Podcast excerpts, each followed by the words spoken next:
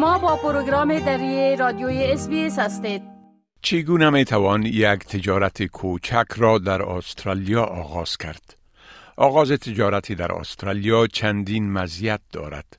استرالیا از نوآوری و کارآفرینی با زیربناهای مستحکم نیروی کار ماهر و ابتکارات دولتی حمایت می کند که با کمک های مالی، بودجه و انگیزه های مالیاتی رشد کسب و کار کوچک را تشویق می کند. اقتصاد پر جنب و جوش استرالیا و محیط کسب و کار حمایتی زمینه استثنایی را برای کارآفرینان فراهم می کند.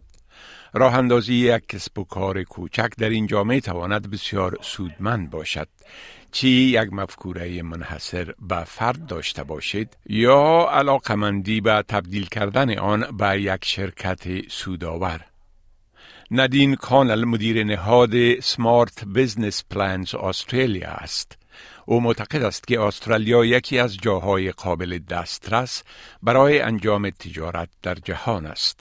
There's competitive tax rates. It's a simple GST system at 10%. It's simple ABN setup. There's a lot of government incentives out there through grants. I think there's more than $70 billion offered um, Australia wide. And there's really clear regulations and allowance for you to be innovative. عبدالله عبدالله تحلیلگر اقتصادی مستقر در سیدنی تاکید می کند که استرالیا دارای اقتصادی پرثباتی است.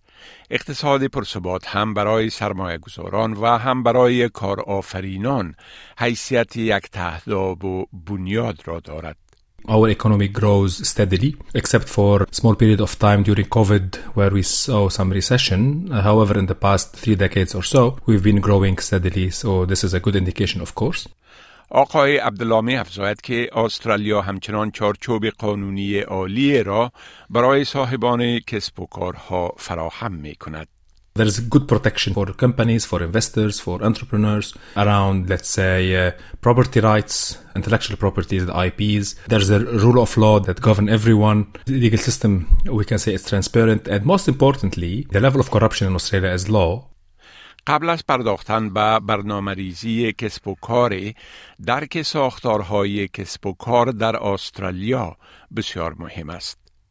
کسب و کارها و تجارت ها می توانند طور یک تاجر منفرد شرکت یا شراکت اداره شوند که هر کدام مجموعه از مسئولیت ها و ایجابات قانونی خود را دارند.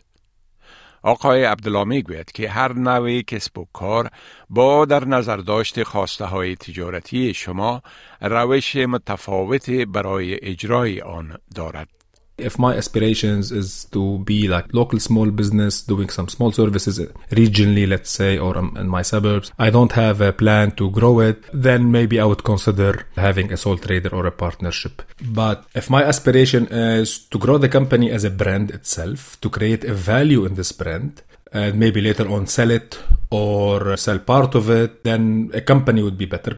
And we have seen many companies that have started very small in garages and now their brand is worth multi-billion dollars.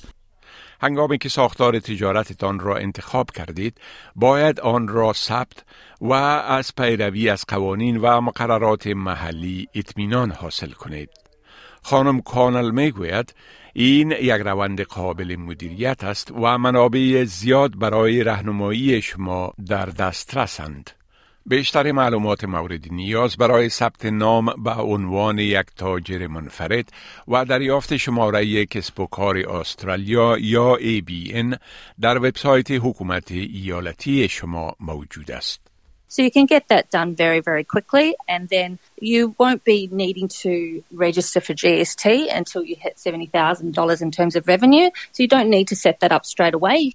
اگر قصد دارید به جای آن یک شرکت تأسیس کنید در این صورت آقای عبدالله توصیه می کند که محاسبتان را ببینید تا شما را در گرفتن شماره شرکت استرالیایی یا ACN تان از کمیسیون زمانت نامه و سرمایه گذاری استرالیا کمک کند. So it's like a number that would be unique for this particular business. or company. This is from, from registration as legalities. Then we have to take tax into considerations. For companies, we have to register a separate tax file number. Remember, for sole traders, the business is linked to their own tax file number. There's no differentiation. But for companies, companies have to have their own TFN.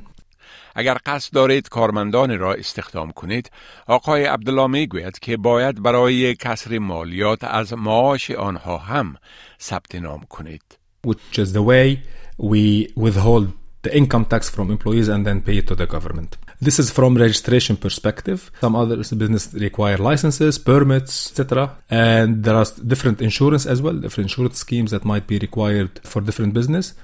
او بر اهمیت درک ایجابات قانونی و پیروی از مقررات اضافی که کارآفرینان باید به خاطر اجتناب از گیر ماندن در مشکلات احتمالی بدانند تاکید می کند.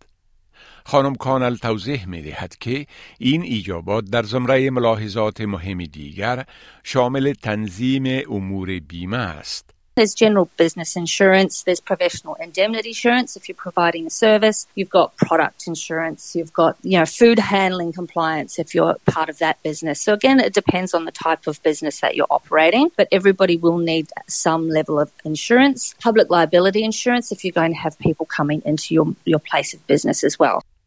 جنبه حیاتی دیگری که باید در نظر گرفت ایجاد یک پلان به خوبی ترهریزی شده برای تجارت است که بسیاری مردم اکثرا آن را نقشه راه موفقیت می دانند. خانم کانل می گوید انجام تحقیق در مورد بازار اولین قدم است. Researching your market, knowing who your customers are, how big your market is, where you are operating in your location if you have a physical store, what else is out there, who are your competitors, what you're going to be selling your price your products for and who you're selling it to. So if you can be very clear on those components, then you can position your product or service in the market in the best possible way. اگر برای شروع تجارت و کسب و کار خود به کمک مالی نیاز دارید، استرالیا مراجع بسیاری را عرضه می کند که می توانید با آنها تماس بگیرید. خانم کانال معلومات خود در مورد گزینه های مختلف تأمین مالی بالقوه به شمول کمک های مالی قرضه ها و سرمایه گذاران خصوصی را که در دسترس کارآفرینان قرار دارند به اشتراک می گذارد. There's a lot of grants out there. There's more than $70 billion that the government, in terms of state and local council, have available. Uh, there's private investors as well. That comes down to whether you've got somebody that you know personally that is um, looking to invest in your business, or you can offer equity as well. خانم کانل همچنان می‌گوید که وبسایت حکومت استرالیا با آدرس business.gov.eu معلومات درباره کمک های مالی متعدد را تحت عنوان یابنده کمک های مالی و برنامه ها فراهم می کند.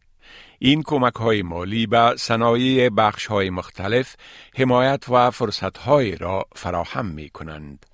People can actually go and search through those, but then they also have state governments. All the state government websites have their own grants listed online as well. And then local council in your local LGA, they often have grants as well. برای معلومات بیشتر می توانید با اداره ایالت خود تماس بگیرید. به عنوان مثال خدمات نیو ساوت ویلز می تواند کارآفرینان بالقوه را در جریان راه اندازی کسب و کار راهنمایی کند. Our business concierge service provides help for businesses finding information on financial assistance that is available for startup businesses across different areas of government and connects them with grants and rebates that they're available to them. او می افزاید که هر دارنده تجارت با مشتری های خود صحبت می کند و چیزی را که ممکن است برای آنها به صورت منفرد و بر اساس شرایطشان در دسترس باشد بررسی می کند. خانم کانل توصیه می کند که اولین قدم ها را به سمت رویای کار آفرینی خود بردارید. تحقیقات شبکه سازی و اصلاح مفکوره کسب و کار خود را شروع کنید. به یاد داشته باشید هر کسب و کار موفق با یک اقدام واحد شروع می شود. The biggest misconception would be that you have to have a lot of money to do it. You don't have to reinvent everything all at once. You don't have to go from zero to a hundred. You can start slowly and invest as you grow. It can be very daunting looking to start a business, and it doesn't have to be if you talk to the right people. Everyone can work together to help that business succeed. می خواهید این گناه گزارش ها را بیشتر بشنوید؟ با این گزارشات از طریق Apple Podcast، Google Podcast، Spotify و یا هر جایی که پادکاستتان را می گیرید گوش دهید.